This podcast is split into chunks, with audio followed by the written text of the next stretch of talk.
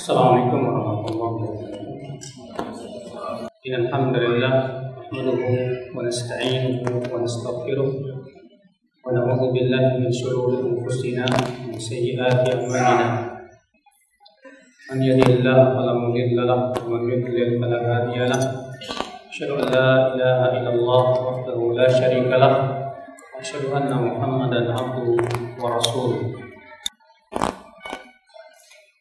قال الله تعالى في كتابه الكريم يا أيها الذين آمنوا اتقوا الله حق تقاته ولا تموتن إلا وأنتم مسلمون أما بعد Ikhwata Islam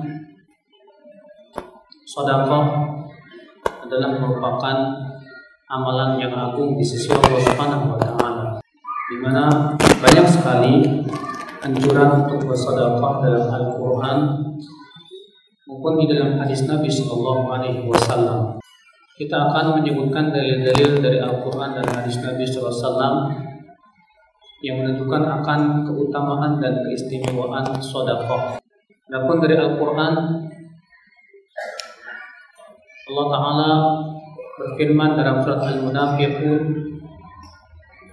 anfiqu mimma razaqnakum min qabli an ya'ti ahadukumul ahadakumul maut. Fa yaqula rabbi laula akhartani ila ajalin qarib. Wa anfiqu dan berinfaklah kalian. Mimma dari apa-apa rozaqanakum yang telah kami berikan rezeki kepada kalian. Min qabli sebelum ayati ayatiya ahadakumul maut sebelum datang kepada kalian kematian. Fayaqul lalu dia berkata Rabbi wahai Rabbku laula akhartani ila ajalin qarib. Kalau engkau undurkan ajalku sampai waktu yang ya sebentar saja fa'asaddaqa supaya aku bisa bersedekah. Wa aku minas salihin dan supaya aku termasuk orang-orang yang saleh di sini Allah Subhanahu wa taala menyebutkan bahwa orang yang meninggal berangan-angan ingin supaya umurnya itu sedikit diundurkan supaya bisa bersodakoh karena memang di akal Islam sodakoh itu sangat besar pahalanya di sisi Allah Subhanahu wa taala. Allah juga berfirman dalam surat Saba ayat 39, "Wa ma anfaqtum min syai'in fa huwa yukhlifuh wa huwa khairur raziqin." Dan apa-apa yang kalian infakkan dari harta, maka Allah pasti menggantinya. Dan Allah Subhanahu wa taala sebaik-baik pemberi rezeki. Sini Allah mengatakan bahwa orang yang menginfakkan hartanya pasti diganti oleh Allah, pasti. Makanya tidak ada orang yang berinfak itu miskin gara-gara infak. Ini dia Abu Bakar pernah menginfakkan seluruh hartanya. Dalam hadis yang sahih, Umar bin Khattab berkata, hari ini aku akan mengalahkan Abu Bakar. Maka Umar pun membawa separuh hartanya Ya, Umar sudah berniat ingin mengalahkan siapa? Abu Bakar. Dibawa separuh hartanya, lalu diberikan kepada Rasulullah SAW. Dan Umar yakin hari ini Abu Bakar kalah. Lama kemudian Abu Bakar datang, lalu ia berkata kepada Rasulullah, ya Rasulullah, ini seluruh harta. Tapi apakah ketika Abu Bakar menginfakkan seluruh hartanya itu Abu Bakar jadi jatuh miskin. Iya. Justru semakin diberikan oleh Allah keberkahan demi keberkahan. Makanya memang sudah janji Allah Subhanahu wa taala. Ya, sudah janji Allah bahwa orang yang berinfak itu pasti diganti di dunia dan di akhirat. Di dunia diganti oleh Allah Subhanahu wa taala. Di akhirat sudah pasti. Jadi Allah sudah berjanji untuk mengganti harta orang yang berinfak di dunia dan di akhirat. Di dunia pasti Allah ganti. Di akhirat apalagi? Harta yang kita infakkan itulah yang menjadi harta kita di dunia dan akhirat. Dan disebutkan dalam hadis Rasulullah SAW bersabda, Yakulu ibnu Adam Berkata anak Adam, mali, mali, hartaku, harta. Padahal kata Rasulullah, hakikat harta dia itu yang sudah dia makan, atau yang sudah dia pakai, atau yang sudah dia infakkan. Ya, harta kita yang sebenarnya itu adalah yang sudah kita infakkan. Adapun harta yang kita tidak infakkan, yang belum kita pakai, belum tentu jadi milik kita. Makanya tidak di zaman dahulu ada seorang ulama salaf sangat dermawan sekali Sampai-sampai ada yang menegur, engkau ini dermawan sekali, kata ulama salaf ini. Justru saya ini bakhil. Loh, kenapa? Saya ingin harta ini saya bawa sampai akhirat. Maka kalau kita ingin harta kita itu kita bawa sampai akhirat, caranya cuma satu Pak, infak.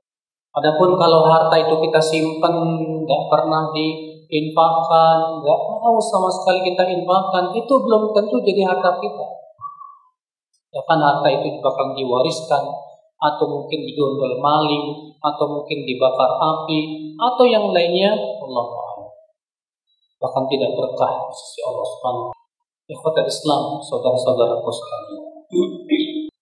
Ayat selanjutnya Allah berfirman dalam surat Al-Baqarah ayat 274 memuji orang-orang yang berinfak siang dan malam. Allah berfirman alladzina yunfiquna amwalahum bil-laili wan-nahar sirran wa alaniyah. Falahum ajruhum 'inda rabbihim wala khaufun 'alaihim wala hum yahzanun yaitu orang-orang yang menginfakkan harta mereka di waktu malam dan siang dengan secara rahasia maupun terang-terangan bagi mereka pahalanya di sisi Rabb mereka dan kelak pada hari kiamat mereka tidak akan ketakutan, tidak pula mereka bersedih. Allah menyebutkan bahwa orang yang suka berinfak itu di hari kiamat tidak akan ketakutan. Pada hari itu manusia ketakutan. Karena di hari itu mereka akan melihat api neraka. Ternyata orang-orang yang suka berinfak, Allah menyebutkan mereka tidak akan ketakutan pada hari kiamat. Mereka pun tidak bersedih hati. Allah juga berfirman dalam surat Al-Baqarah, "Matalul ladzina yunfiquna amwalahum fi sabilillah kamathali habbatin anbatat sab'a sanabila fi kulli sumbulatin mi'atu habbah." Allah yudha'ifu liman yasha. Perumpamaan orang yang berinfak di jalan Allah itu seperti orang yang menanam satu butir gandum kemudian menumbuhkan tanaman yang ada tujuh ya batang. Setiap batangnya ada 100 butir. Berarti Allah lipat gandakan berapa kali lipat itu?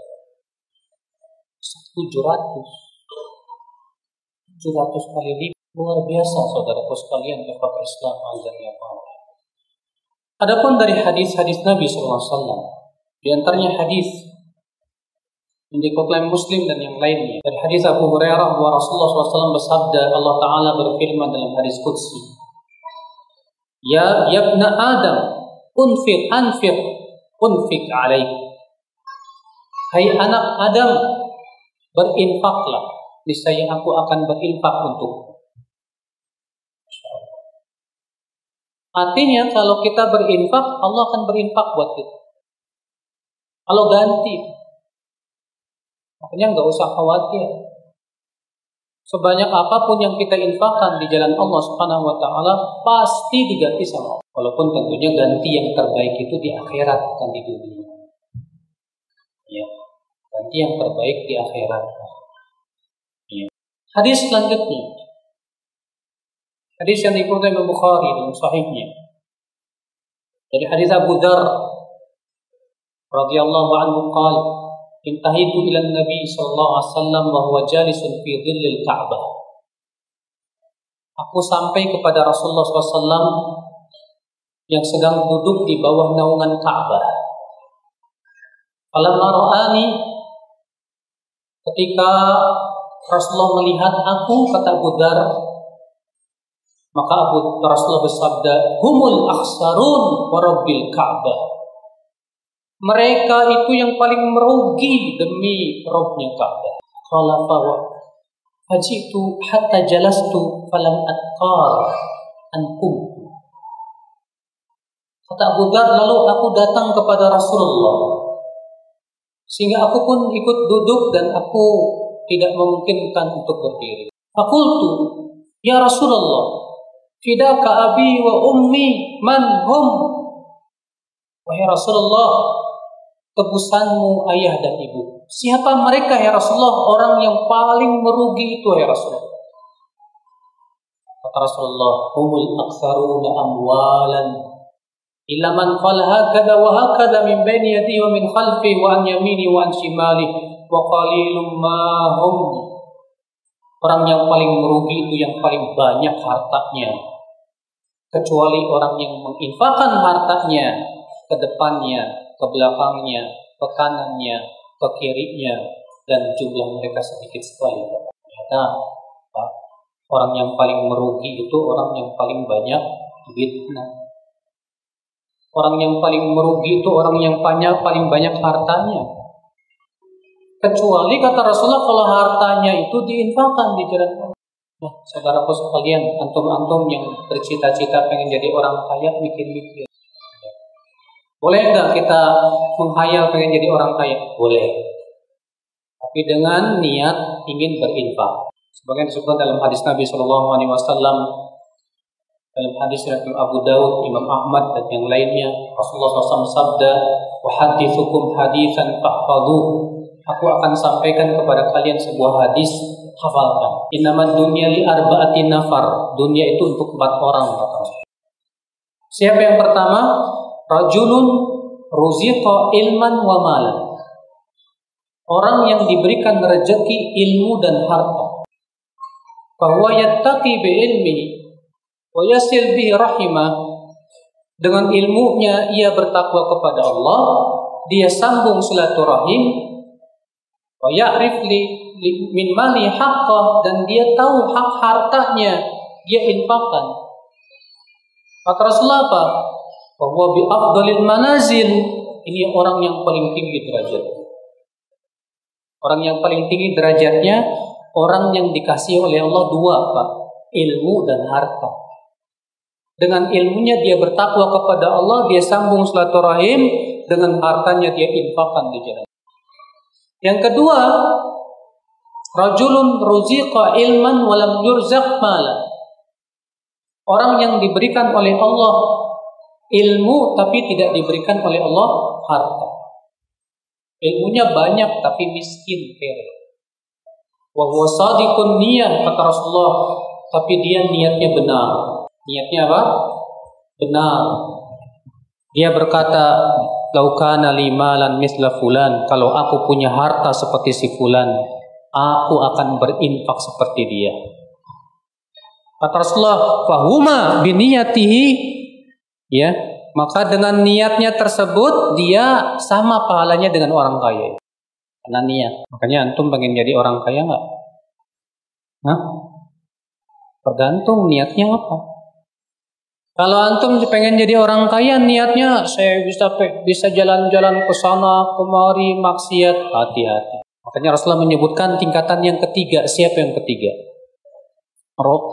Abdun ruziqa malan walam yurzaq ilman Orang yang diberikan oleh Allah harta tapi tidak diberikan oleh Allah apa? Ilmu.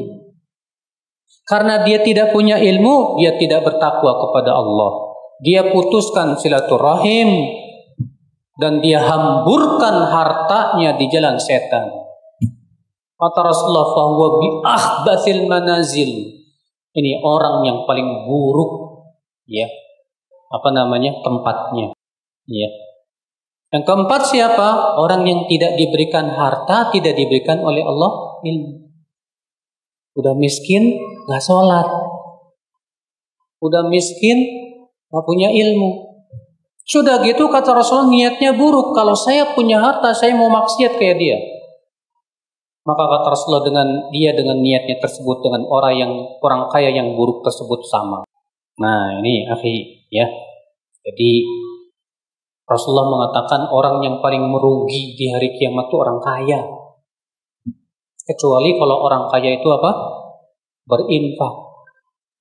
Dia memberikan hartanya ke depannya, ke belakangnya, ke kanannya, ke kirinya. Artinya dia artinya dia betul-betul dia dia perhatikan tuh orang-orang susah itu dia betul-betul perhatikan. Iya. Maka kalau antum kaya raya tapi rajin berinfak ini susah pak, susah bisa disainginya. Dahulu di zaman Rasulullah SAW, orang-orang fakir miskin datang ke Rasulullah. Apa kata orang-orang fakir miskin? Ya Rasulullah, Zahaba ahlu duthur bil ujur. Wahai Rasulullah, orang-orang kaya pergi membawa pahala banyak sekali, hai Rasulullah. Yusalluna kama nusalli wa yasumuna kama nasum. Mereka sholat seperti kami sholat. Mereka berpuasa sebagaimana kami puasa.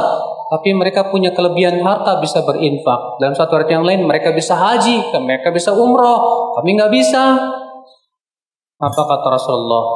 Maukah aku ajarkan amalan yang kalau kalian amalkan kalian bisa mengejar pahala orang-orang kaya itu? Mau ya Rasulullah, apa itu? Ucapkan setelah sholat subhanallah 33 kali, alhamdulillah 33 kali, Allahu Akbar 33 kali, ditutup la ilaha illallah wahdahu la syarikalah, lahul mulku lahul hamdu wa huwa kulli syai'in qadir. Kalau kalian lakukan itu, kalian akan mengejar orang-orang kaya. Akhirnya sama orang miskin diamalin. Yang sembunyi-sembunyi biar orang kaya nggak tahu. Rupanya Pak orang kaya tahu diamalkan sama orang kaya. Datang lagi ke Rasulullah. Eh Rasulullah, orang kaya tahu amalan kami, ya Rasulullah.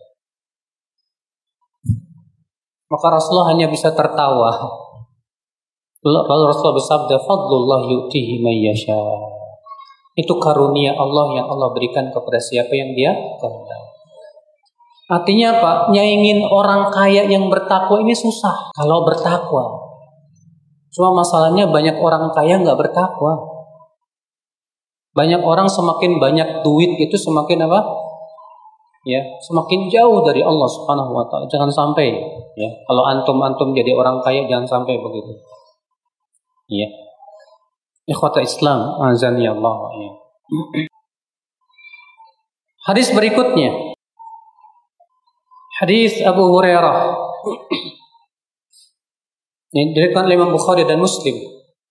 Bahwa Rasulullah SAW bersabda, ya, ceritanya Rasulullah selesai sholat subuh tiba-tiba Rasulullah langsung tergesa-gesa melangkahi orang-orang untuk pulang ke rumah.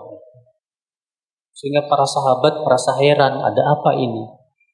Kok Rasulullah SAW habis sholat biasanya zikir, ini langsung tergopoh-gopoh. Lalu beliau keluar keluarlah dari rumahnya membawa sepotong emas. Kemudian Rasulullah bersabda, "Ma yasurruni annali uhudan dahaban ta'ti ala alayya thalitha wa indi minhu dinar ila dinar arsudu lidain."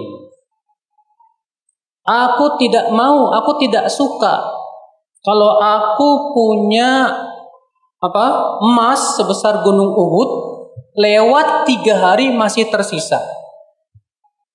Kecuali dinar yang aku sediakan untuk bayar utang.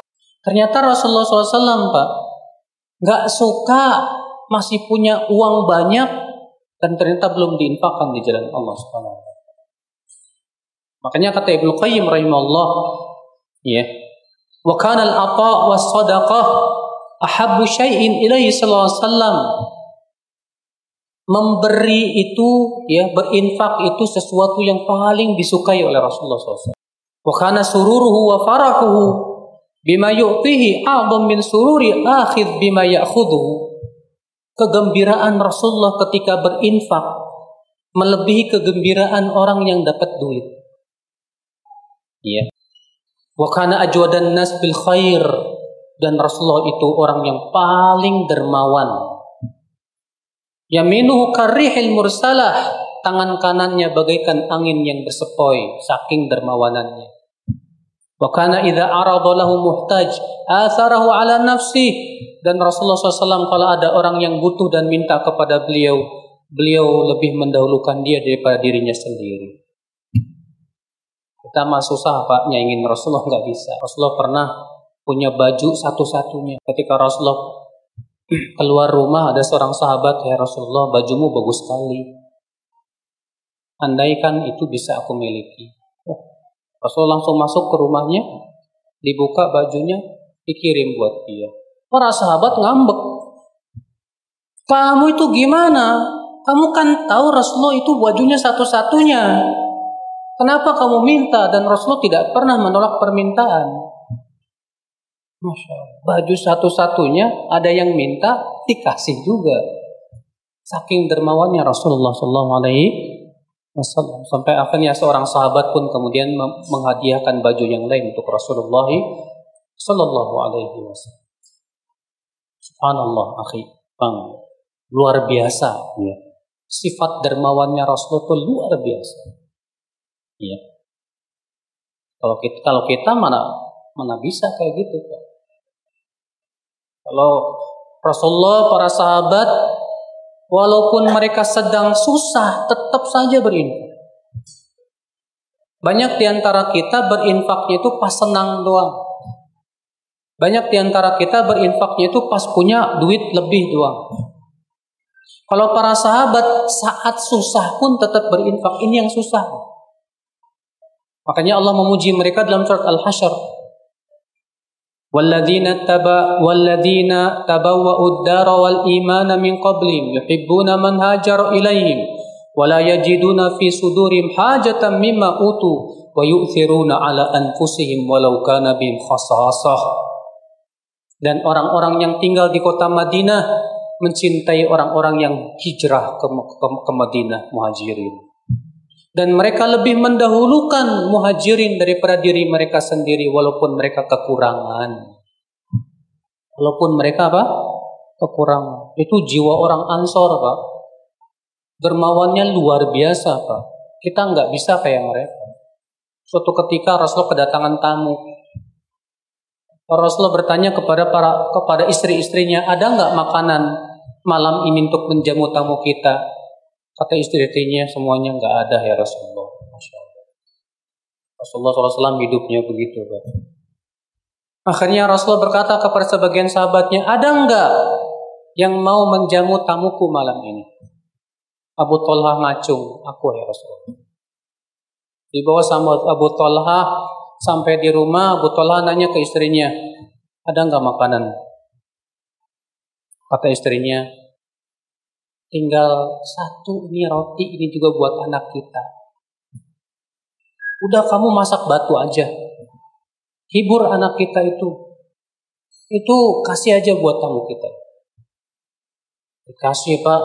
Sementara Abu Talha istrinya sama anaknya malam itu kelaparan. Ya. Masya Allah. Maka Allah pun turunkan ayat pemuji sahabat tersebut. Luar biasa. Ini derajat yang disebut oleh para ulama, derajat isar. Lebih tinggi dari dermawan. Artinya sangat dermawan.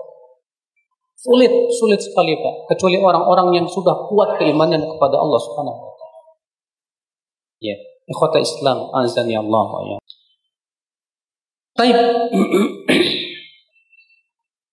Di antara keistimewaan sedekah akhi, bahwa orang-orang yang bersedekah bahwa sedekah itu bisa menggugurkan dosa-dosa. Sedekah bisa apa? Menggugurkan dosa-dosa. Sebagaimana dalam riwayat Tirmidzi dari hadis Muad bin Jabal bahwa Rasulullah sallallahu alaihi wasallam bersabda, "Was-sadaqah tudfi'ul khati'ah kama yudfi'ul ma'un nar." Dan sodako itu bisa memadamkan dosa seperti air memadamkan apa? Sodako itu bisa memadamkan dosa. Makanya kenapa Rasulullah SAW memerintahkan para wanita untuk banyak-banyak sedekah. Dalam hadis riwayat Bukhari dan Muslim, Rasulullah pernah berceramah di setelah sholat id.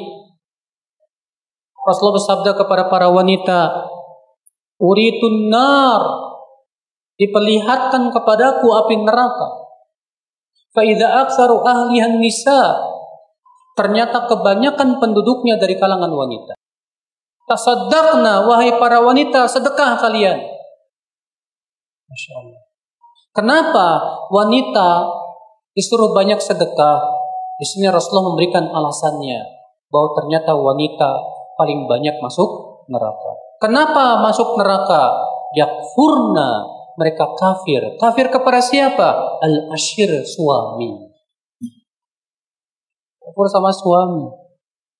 Ternyata Pak, ibu-ibu kafarat dosa ibu sama suami itu bisa ditebus dengan cara sedekah. Sedekah. Makanya akhi, ya banyak-banyak sedekah biar lebih banyak lagi dosa yang di, dihapus oleh sedekah kita. Ya. Di antara keistimewaan sedekah bahwasanya orang-orang yang bersedekah dengan sembunyi-sembunyi dan rahasia akan diberikan naungan pada hari kiamat di mana di hari itu tidak ada naungan kecuali naungan Allah saja. Rasulullah bersabda sab'atun yadhilluhumullah yawma la dhilla illa. Ada tujuh orang kata Rasulullah yang akan Allah berikan naungan pada hari kiamat. Di mana tidak ada di hari itu naungan kecuali naungan Allah. Di, di padang mahsyar, Pak matahari itu didekatkan satu mil. Antum aja kalau berada di sebuah tempat yang sangat panas, kita berusaha untuk mencari apa? Naungan untuk berteduh. Apalagi di hari kiamat. Dan ternyata kata Rasulullah ada tujuh orang yang akan Allah berikan naungan. Di antaranya yang terakhir apa? Warajulun tasaddaqa bisadaqatin fa akhfaha hatta la ta'lamu shimalu ma tunfiqu yaminuhu. Orang yang berinfak lalu ia sembunyikan infaknya. Sampai-sampai tangan kanan kirinya tidak tahu apa yang diinfakkan oleh tangan Kata Islam azan ya Allah. Maka dari itulah saudara-saudaraku sekalian, oke. Okay, lihatlah bagaimana luar biasa pahala apa? Pembahasan selanjutnya, apa infak yang paling utama? Ketahuilah saudara, kalau kita mau berinfak jangan ngasal. Yang penting saya berinfak. Salah lagi. Al-Imam Ibnu Qayyim mengatakan, orang yang beramal dengan ilmu, pahalanya jauh lebih besar dibandingkan dengan orang yang beramal dengan tanpa apa? Dengan tanpa. Sama seperti tukang bas sama kontraktor. Tukang bas itu kerja dari jam 7 sampai jam 5 Paling sehari dikasih berapa? Ya. Sementara dia capek, ngangkat bata, angkat batu, ya, ngaduk semen dan yang lain. Sementara kontraktor cuma nyuruh-nyuruh doang. Ini nih, ini nih, benar ini. Ini, gini, ini, ini. Tapi hasilnya gedean siapa? Kontraktor. Kenapa? Karena tukang bas bekerja dengan tenaga. Kontraktor bekerja dengan ilmu. Demikian pula kata Ibnu Qayyim dalam kitab Miftah dari Sa'ada.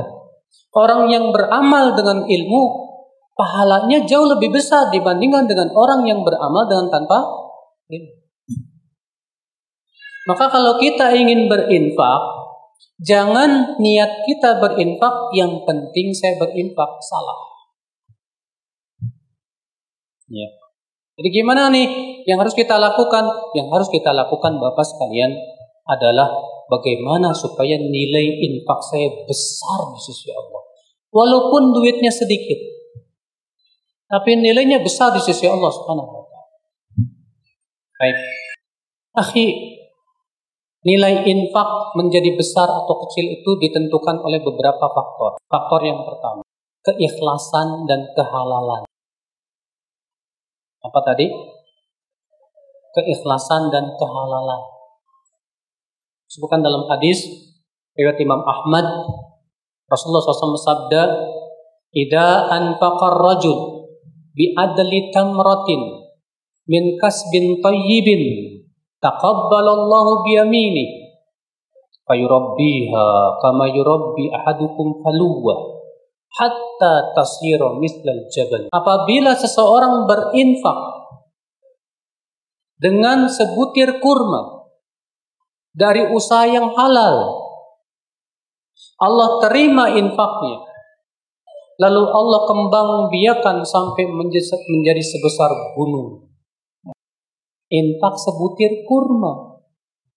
Dikembang biakan oleh Allah sampai menjadi sebesar apa? Gunung. Karena keikhlasan dan kehalalan. Untung kalau berdagang modalnya 10 ribu, untungnya 10 juta. Mau nggak? Nggak ada pak. Dagang kayak gitu. Oh, modal 10 ribu, untung 10 juta. Ada nggak kayak gitu? Ada. Tukang minyak wangi. Dibacain raja-raja. ya, oleh sebagian orang kan, ini udah dibacain mantra-mantra apa, udah ini udah dibacain sama kiai, sama wali. Jadi harganya berapa? 50 juta. Ada yang mau beli loh pak. Padahal modalnya cuma 10 ribu. Tapi caranya nggak halal saudaraku sekalian. Coba bayangkan, satu butir kurma dikembang biakan oleh Allah menjadi sebesar gunung, bayangkan. Untung banyak nggak, Pak? Walau kalau dalam ilmu perbisnisan ini untung banyak. Ternyata dalam infak itu sangat bisa loh. Pak. Coba kalau antum berinfak dengan sebutir kurma, siapa, siapa yang mau terima? Ada nggak orang yang minta-minta antum kasih sebutir kurma nerima kurang ajar loh sebutir kurma saudara-saudara ini faktor pertama. Faktor yang kedua yaitu yang membuat pahala besar itu yaitu dilihat dari sisi apa namanya perjuangan melawan kekikiran. Perjuangan melawan apa? Kekikiran. Sebagaimana Imam Al-Tabrani dalam Mu'jamnya meriwayatkan dan hadis ini dihasankan oleh Syekh Al-Bani rahimahullah. Rasulullah SAW bersabda, dirham sabakomiat alf dirham. Ada orang yang berinfak satu dirham bisa mengalahkan orang yang berinfak seratus ribu dirham. Para sahabat heran, kaifadharika ya Rasulullah. Bagaimana bisa ya Rasulullah? Kalau ada orang yang berinfak satu dirham tapi bisa mengalahkan pahala orang yang berinfak seratus ribu dirham. Apa kata Rasulullah? Ya. Rajulun ingdahu malun kathir. Ada orang punya harta banyak melimpah ruah. Fa'akhadha mi'at alf. Lalu ambil seratus ribu lalu infak. Rajulun ingdahu dirhaman. Sementara ada orang hartanya hanya dua dirham. Lalu dia ambil satu dirham dia infakkan. Coba kalau antum punya duit di tabungan 10 miliar. Untuk berinfak 10 juta mudah nggak Pak? Merem. Karena duit antum masih 9 miliar, koma sekian sekian. Masih banyak kecil. Tapi antum duitnya cuma 100 ribu di kantong. Hah? gajian masih lama. Ini mau infak 50 ribu mikir apa? Mikir 20 kali lipat. Ah, di sini. Yang Allah lihat itu perjuangannya. Kok. Ketika kita berjuang melawan kekikiran dan kita berhasil mengalahkannya, itu yang Allah lihat. Jadi yang Allah lihat bukan sebatas kuantitas, tapi yang Allah lihat apa? Kualitas. Apakah Islam azan ya Allah Ibnu Mas'ud dia pernah bercerita atau Abu Musa al-Ash'ar sudah pernah mendengar kisah dua potong roti. Apa itu? Dahulu ada seorang laki-laki sudah beribadah kepada Allah 60 tahun lamanya. 60 tahun beribadah. Tiba-tiba datanglah pelacur menggodanya. Akhirnya dia berzina dengan wanita itu enam hari lah. Setelah enam hari berzina, si ahli ibadah ini sadar. Lalu karena dia malu, maka dia tinggalkan tempat ibadahnya, pergi. Di perjalanan dia kelaparan, lalu singgahlah di sebuah masjid. Dalam keadaan kelaparan itu, tiba-tiba ada orang yang membawakan roti untuknya. Ketika dia hendak memakan roti, dia melihat di pojok masjid dua orang yang kelaparan. Lalu dia berkata, pasti dua orang itu kelaparan seperti aku lapar. Akhirnya dipotongnya roti itu, diberikan kedua orang tersebut sementara dia tidak makan. Maka Allah berfirman kepada malaikatnya, Hai malaikat, timbang amalan dia 60 tahun dengan zina dia 6 hari. Ternyata lebih berat zina 6 hari.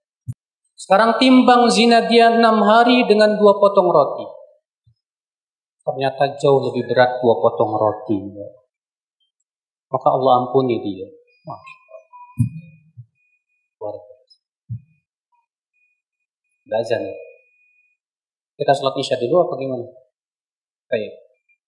Alhamdulillah wassalatu wassalamu ala Rasulillah Nabi Muhammadin wa alihi wa sahbihi wa man walah. An la ilaha illallah wahdahu la syarika lah wa asyhadu anna Muhammadan abduhu wa rasuluh amma ba'd. Kita lanjutkan akhi Tadi kita membahas tentang sedekah yang paling utama ya. Bahwa itu dipengaruhi oleh faktor yang kedua tadi apa? Perjuangan dalam melawan kekikiran. Dan ini juga ditujukan oleh sebuah hadis Nabi Shallallahu Alaihi Wasallam bahwa Nabi Shallallahu Alaihi Wasallam ditanya ayu sadaqah a'zam? Sedekah apa yang paling besar ya Rasulullah? Maka Rasulullah SAW bersabda anta saddaq wa anta sahihun syahihun takhshal faqr wa ta'mulul ghina. Itu kamu bersedekah dalam keadaan kamu sehat lagi pelit. Dan kamu sedang takut kefakiran dan mengharapkan kekayaan saat kita sedang pelit dan takut kefakiran di situlah pelit-pelitnya sedang puncak-puncaknya nah ketika kita lawan maka di situlah nilai pahalanya jauh lebih besar di sisi Allah Subhanahu wa taala. Makanya kalau antum sedang tidak pelit, lagi enak berinfak, tidak sama dengan orang yang ketika dia sedang pelit, dia lawan rasa pelitnya tersebut. Ya. Kemudian faktor yang ketiga yang mempengaruhi yaitu faktor manfaat. Semakin besar manfaatnya, maka semakin besar pahalanya. Semakin banyak manfaatnya, semakin besar pahalanya di sisi Allah Subhanahu wa taala. Makanya sedekah jariah itu sedekah yang sangat dianjurkan oleh Rasulullah SAW. Kenapa? Karena manfaatnya besar, terus menerus. Apa sedekah jariah itu contohnya? Membangun masjid. Membangun masjid pahalanya terus mengalir dan manfaatnya banyak. Contoh lagi, ya untuk membuat pesantren. Manfaatnya besar, di situ diajarkan ilmu, dicetak para penuntut ilmu, para asatidah, para ulama. Manfaatnya besar untuk umat. Contoh lagi, menggalikan sumur. Kemudian airnya kita sodakohkan. Untuk banyak orang mengambil, misalnya di suatu kampung, misalnya sedang kekeringan kita galikan sumur. Itu berapa banyak orang mengambil air dari sumur tersebut terus pahalanya mengalir. Subhanallah. Islam Allah. Faktor yang keberapa? Faktor yang ke empat yaitu faktor waktu. Berinfak di waktu yang paling yang sangat utama besar pahala. Maka berinfak di bulan Ramadan tidak bisa disamakan dengan berinfak di bulan-bulan yang lain. Makanya Nabi SAW di bulan Ramadan Pak, intensitas sodakonya meningkat. Kata Ibnu Abbas, karena Rasulullah SAW ajwadan nas, wa kana ajwadu ma yakunu fi Ramadan hina yalqahu Jibril. Adalah Rasulullah SAW orang yang paling dermawan. Dan beliau lebih dermawan lagi di bulan Ramadan. Saat bertemu dengan Jibril. Lihat di bulan Ramadan semakin ya kuat. Itu menunjukkan bahwa berinfak di bulan kuat di bulan Ramadan itu besar pahala Allah Subhanahu Ya. Ini faktor waktu. Jadi kita coba cari waktu yang paling yang ke berapa? Yang kelima yaitu faktor hukum. Faktor hukum. Maksudnya hukum gimana? infak yang wajib lebih lebih besar pahalanya daripada infak yang sunnah.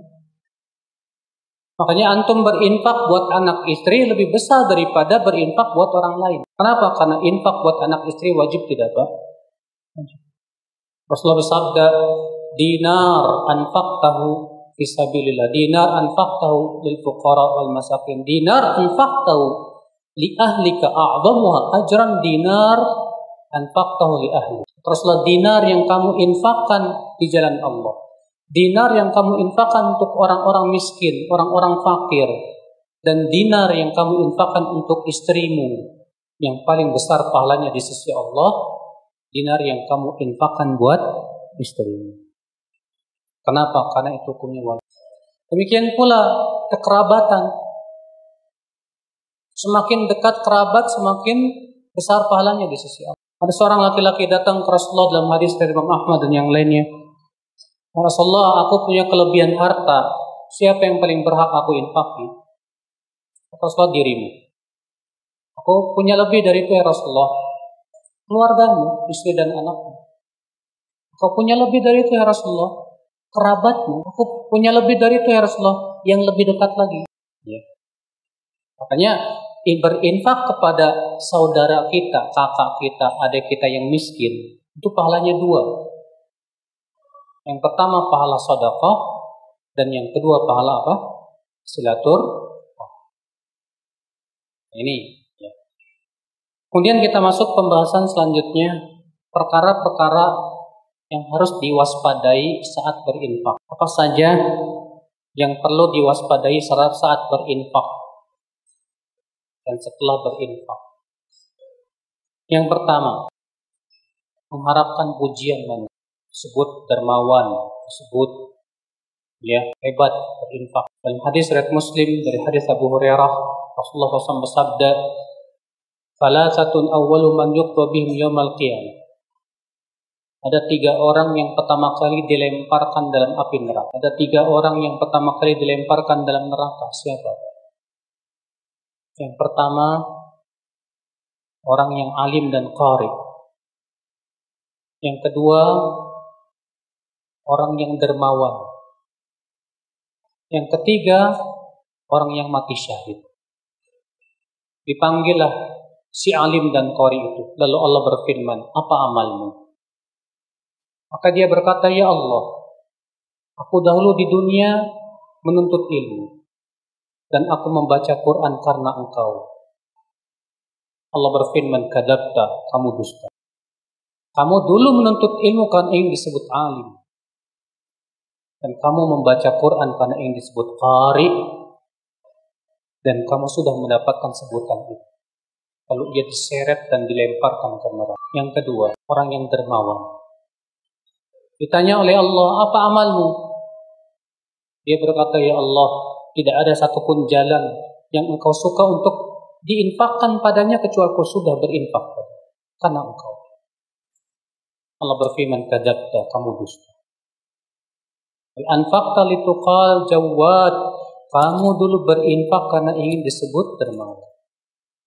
Dan kamu sudah mendapatkan sebutan itu.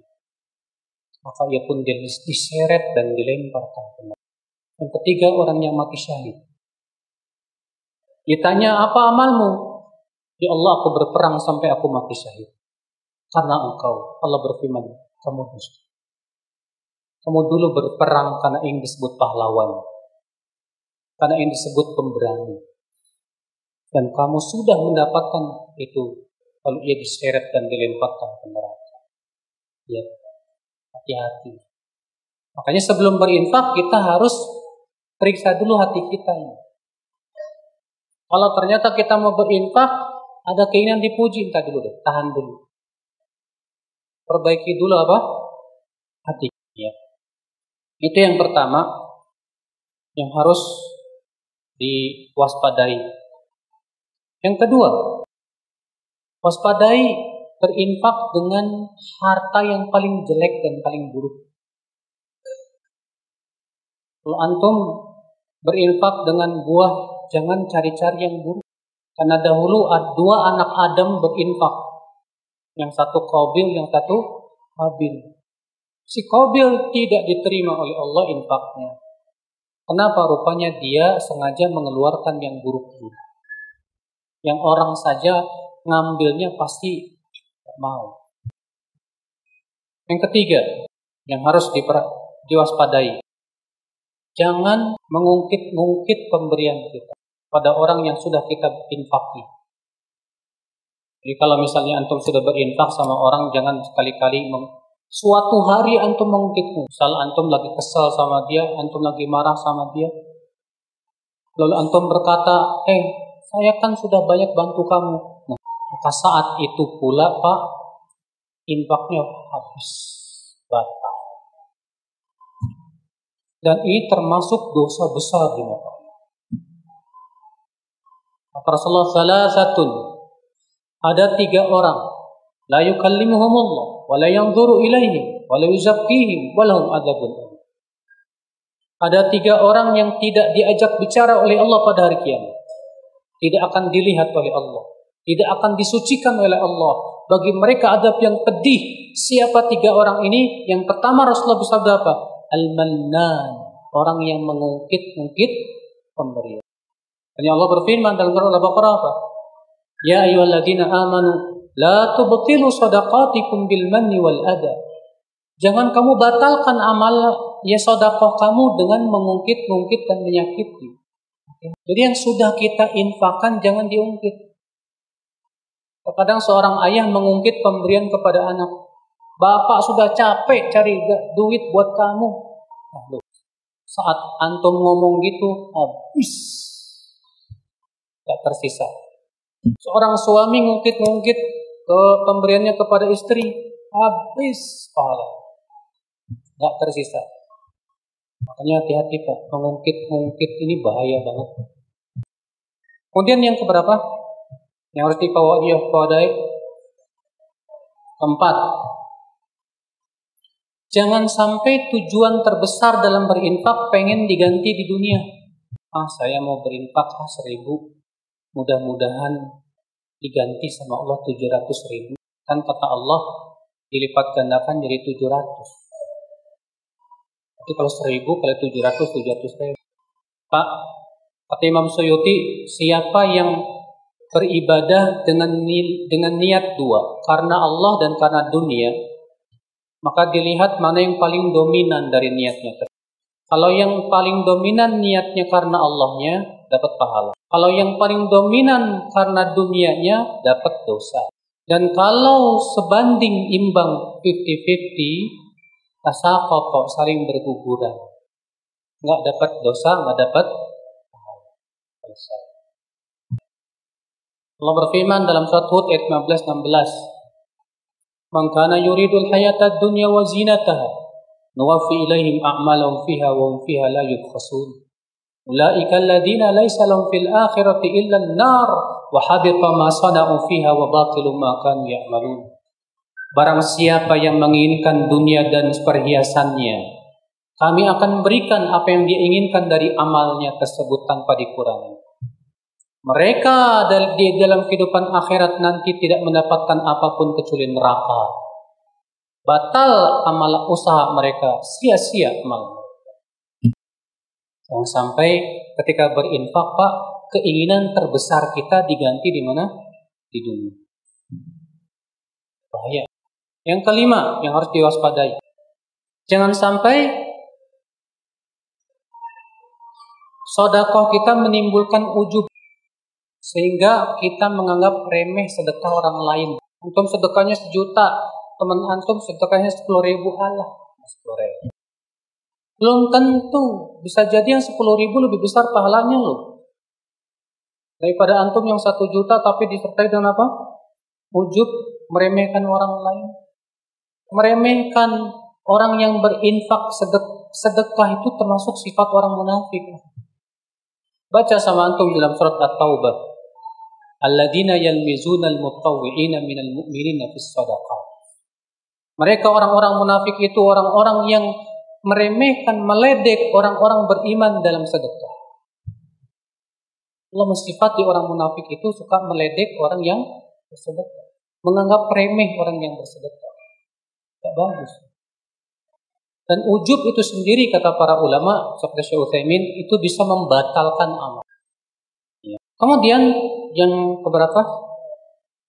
Yang keenam yang perlu diwaspadai jangan sampai meminta kembali sedekah yang sudah kita beri. Untuk sedekah sama orang besoknya minta lagi. Nggak jadi deh. Kata Rasulullah al-aid fi hibati orang yang meminta kembali pemberiannya kal kalb seperti anjing yang memakan kembali muntahannya. Satu ayat yang lain, la tarji ya anhibatik. Jangan kamu ambil kembali hibah pemberian yang sama kamu sudah berikan ke orang lain. Nah, jangan ya.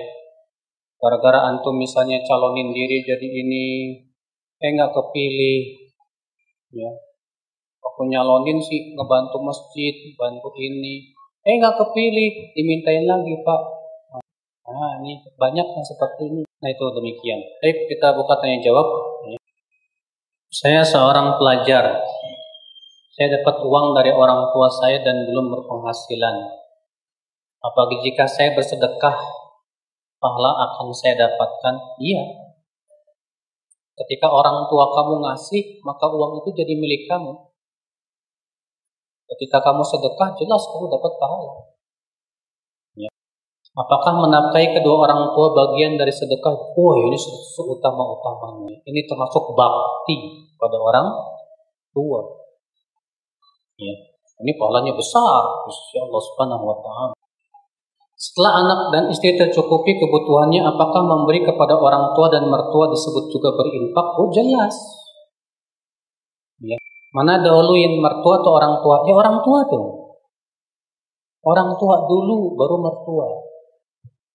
Jangan antum gara-gara istri orang tua dicuekin, mertuanya diperhatiin. Karena sebagian istri itu ngambek kalau suaminya ngasih ke orang tuanya sama sementara orang tua istrinya nggak dikasih. Ini nggak berhak istri seperti itu. Kalau memang ternyata orang tua suami sangat butuh, Orang suami wajib memperhatikan orang. Kalau memang orang tuanya dia tidak butuh, mertuanya butuh, ya udah kasih mertua. Lihat mana yang paling butuh. Ya. Perbuatan apa yang bisa menggugurkan atau menghilangkan pahala sedekah? Sudah sebutin tadi. Bagaimana cara berinfak seorang istri yang tidak bekerja, yang hanya mengharap uang dari suami dengan kehidupan ekonomi yang sederhana? Ya, kalau suami ngasih duit dan ada kelebihan baru berinfak. Tapi kalau nggak ada kelebihan, hanya buat untuk masak, belanja, ya udah yang penting ada niat. Kan kita sudah sebutkan tadi dunia untuk empat orang. Ada orang dikasih ilmu tapi tidak dikasih apa. Tapi niatnya udah benar. Apakah ada keutamaan infak ke muslim daripada kepada non muslim? Iya jelas, karena Rasulullah bersabda, "La ya'kul tu'amaka illa taqiyun." Janganlah memakan makananmu kecuali orang yang bertakwa. Maka berinfak kepada orang yang bertakwa lebih kita dahulukan. Kenapa kalau orang bertakwa dia akan gunakan untuk ketakwaan? Adapun pelaku maksiat biasanya digunakan untuk maksiatnya. Tapi kalau ada orang non muslim sangat butuh bantuan, tetap kita bantu. Iya. Tetap kita bantu. Nah, itu juga pahala di sisi Allah Subhanahu wa taala. Bagaimana hukumnya menerima infak dari orang yang berpenghasilan haram? Terjadi ikhtilaf para ulama. Kalau ada orang penghasilannya haram kemudian ngasih kita duit atau makanan, boleh diterima atau tidak? Sebagian ulama mengatakan boleh. Ini pendapat Salman Al-Farisi dan Ibnu Mas'ud. Ibnu Mas'ud pernah ditanya, Wahai Ibnu Mas'ud, ada orang yang penghasilannya haram memberi saya makanan. Boleh saya terima? Kata Ibnu Mas'ud, makan saja. Buat dia dosa. Alasan mereka mengatakan apa? Bahwa pada asalnya uang itu harta itu hukumnya halal. Yang membuat haram itu transaksinya. Nah, ketika transaksi antara dia dengan kita halal, jadi halal lagi.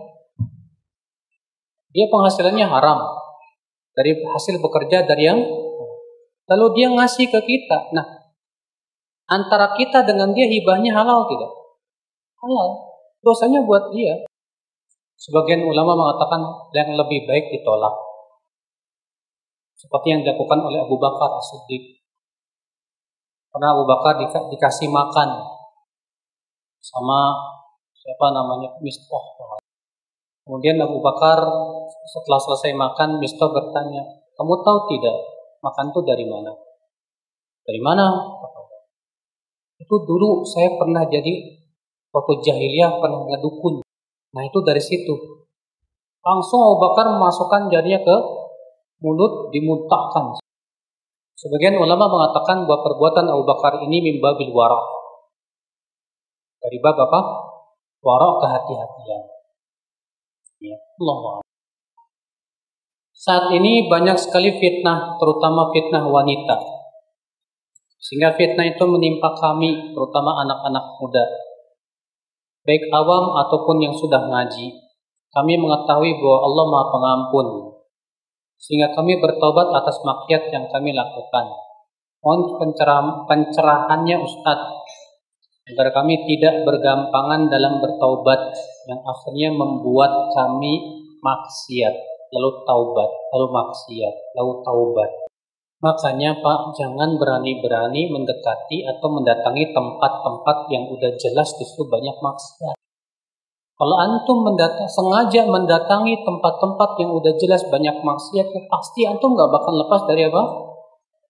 Maksiat. Makanya diminimalisir. Untuk mendatangi tempat-tempat maksiat itu diminim, diminimalkan. Ya. Makanya disebutkan dalam hadis Abdullah bin Amr bin Al-As, Rasulullah SAW bersabda kepada Abdullah bin Amr, Kaifa bika ya Abdullah, idha kunta fi husalatin minan nas. Dan Abu Daud. Bagaimana sikapmu hai Abdullah kalau kamu tinggal di masyarakat yang sudah rusak?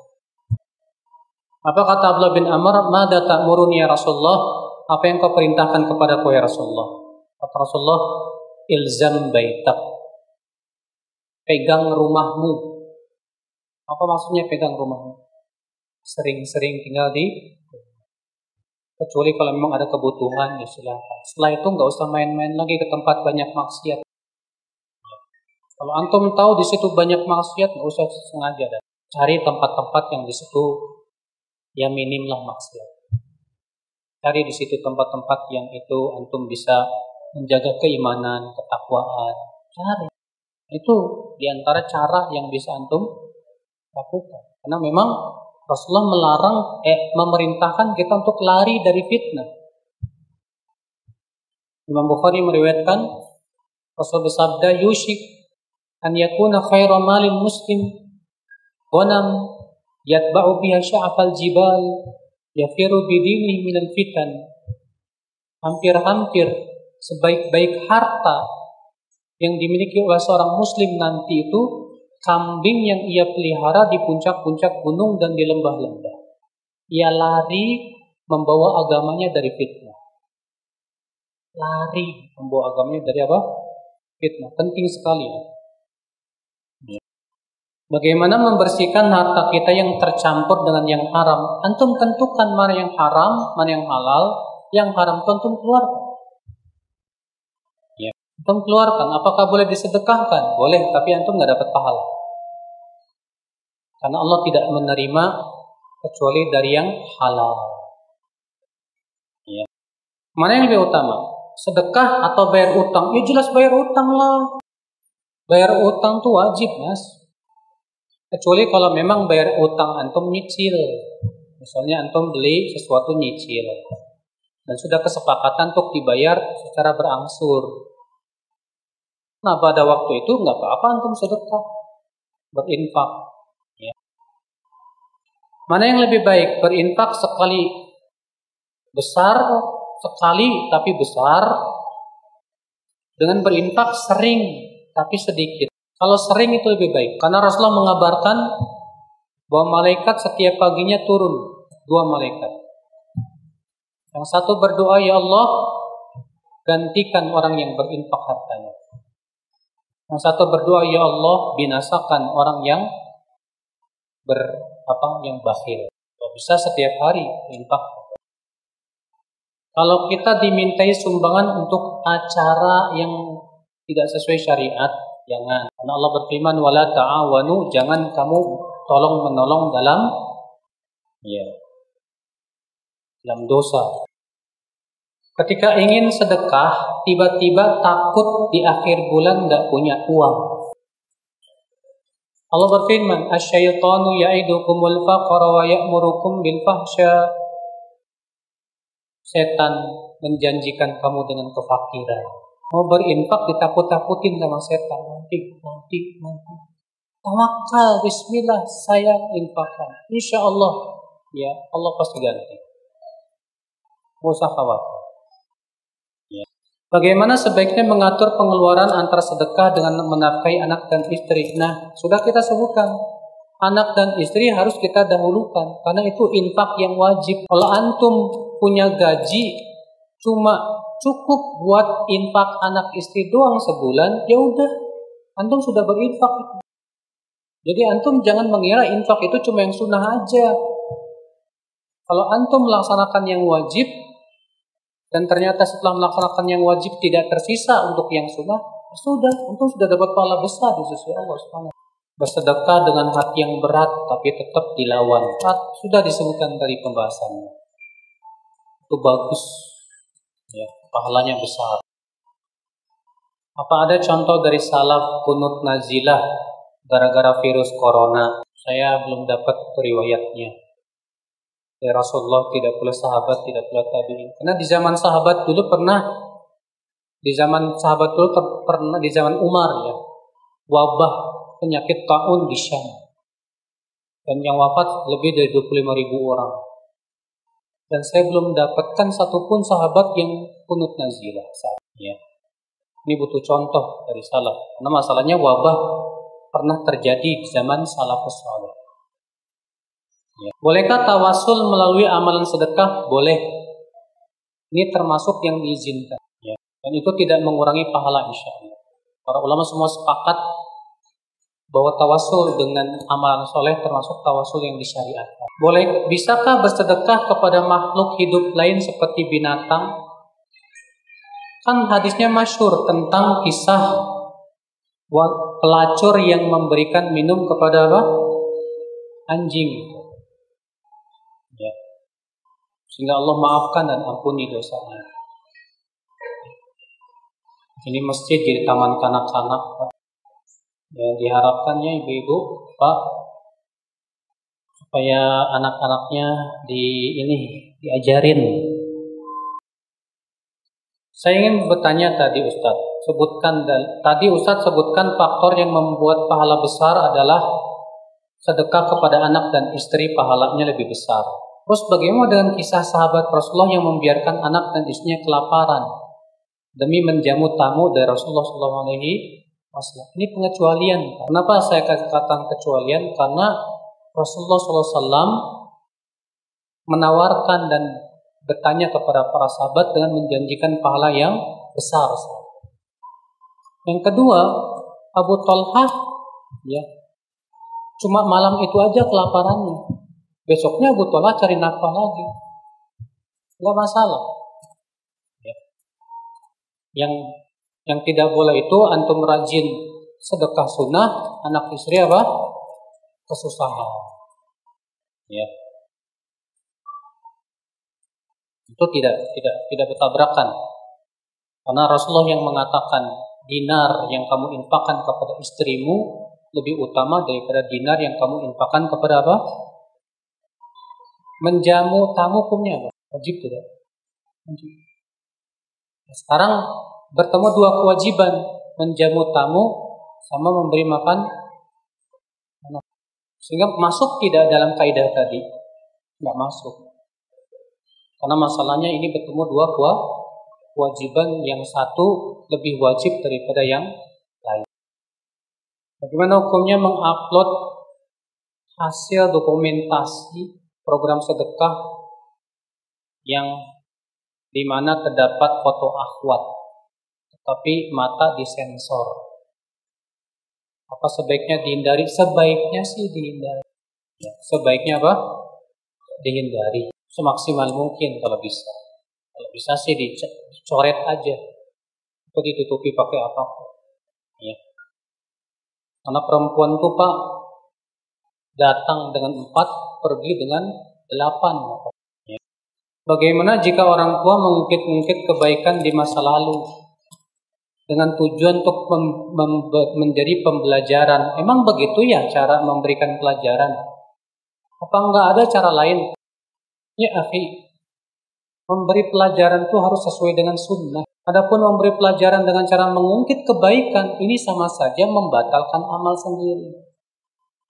Pelajaran apa yang bisa di, diambil dari situ coba? Itu namanya mengajarkan anak untuk mengungkit pemberian. Apa enggak ada cara yang lain? Ya, masih banyak kok cara yang lain. Jika kita mendapatkan rezeki dari Allah, bolehkah kita mengatakan kalau rezeki itu merupakan hasil atau timbal balik dari sedekah yang kita infakkan? Bisa jadi.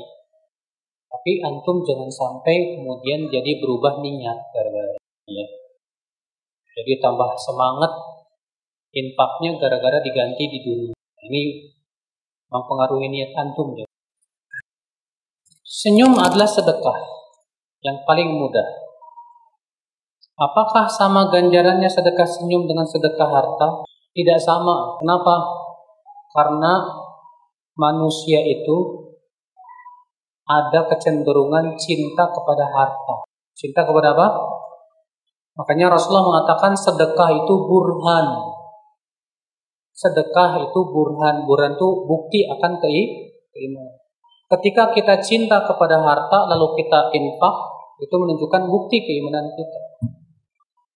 Sedangkan senyum tidak tidak melawan sama sekali rasa pelit. Tinggal senyum aja. Ya. Apa ganjarannya sedekah dengan senyum? Tergantung senyum sama siapa. Kalau senyum-senyum sama akhwat dosa. Tapi kalau senyum sama ikhwan ini dianjurkan. Ya. Rasulullah SAW, yahrumu ala nar kullu hayyin layyin sahlin qarib. Haram atas api neraka setiap orang yang tawadu, lembut, mudah dalam bergaul, dan dekat dengan manusia. Sekarang kalau antum nggak pernah senyum, cemberut, orang gimana akan dekat dengan manusia? Pasti orang akan jauh. Tapi kalau antum selalu senyum ketemu Masya Allah, menyenangkan. Ya. Kisah baju ter terakhir Rasul dan sepotong roti, tetapi infak utama adalah untuk diri sendiri, keluarga, kerabat dekat. Bagaimana menyikapinya Ustaz? Sudah saya sebutkan tidak bertabrakan. Ya. Kenapa? Karena mereka yang Rasulullah SAW seperti Rasulullah SAW, ya, mendahulukan orang lain daripada dirinya sendiri itu menunjukkan akan kedermawanan yang luar biasa. Walaupun memang untuk diri sendiri, tapi Rasulullah mampu kok. Untuk diri sendiri Rasulullah mampu. Tapi ketika beliau lebih mendahulukan orang lain daripada dirinya, itu termasuk kedermawanan yang paling tinggi di sisi Allah Subhanahu wa taala. Ya. Bagaimana hukum harta yang didapat dari jual beli hewan kadal? Kadal haram. Karena kadal itu termasuk binatang buas dan binatang darat. Beda dengan buaya, buaya istilah para ulama. Jumhur mengatakan haram. Imam Malik mengatakan halal. Eh, kalau dog itu bukan binatang buas. Dog itu dia sejenis pemakan tubuh-tubuh dan serangga-serangga. Dia tidak punya taring seperti halnya binatang buas. Sehingga dog itu tidak bisa disamakan dengan kadal. Kalau kadal dia dia binatang buas kan? Kadal binatang buas, eh biawak itu ya. Kalau biawak ya. Nah, kadal kalau kalau kalau kadal bukan binatang buas boleh nggak? Kalau kadal bukan binatang buas maka boleh Karena pada asalnya hewan itu halal sampai ada dalil yang mengharamkan. Ya. Baik, sudah tidak ada lagi pertanyaan. Semoga yang saya sampaikan bermanfaat. Bila taufik. Assalamualaikum warahmatullahi wabarakatuh. Subhanallah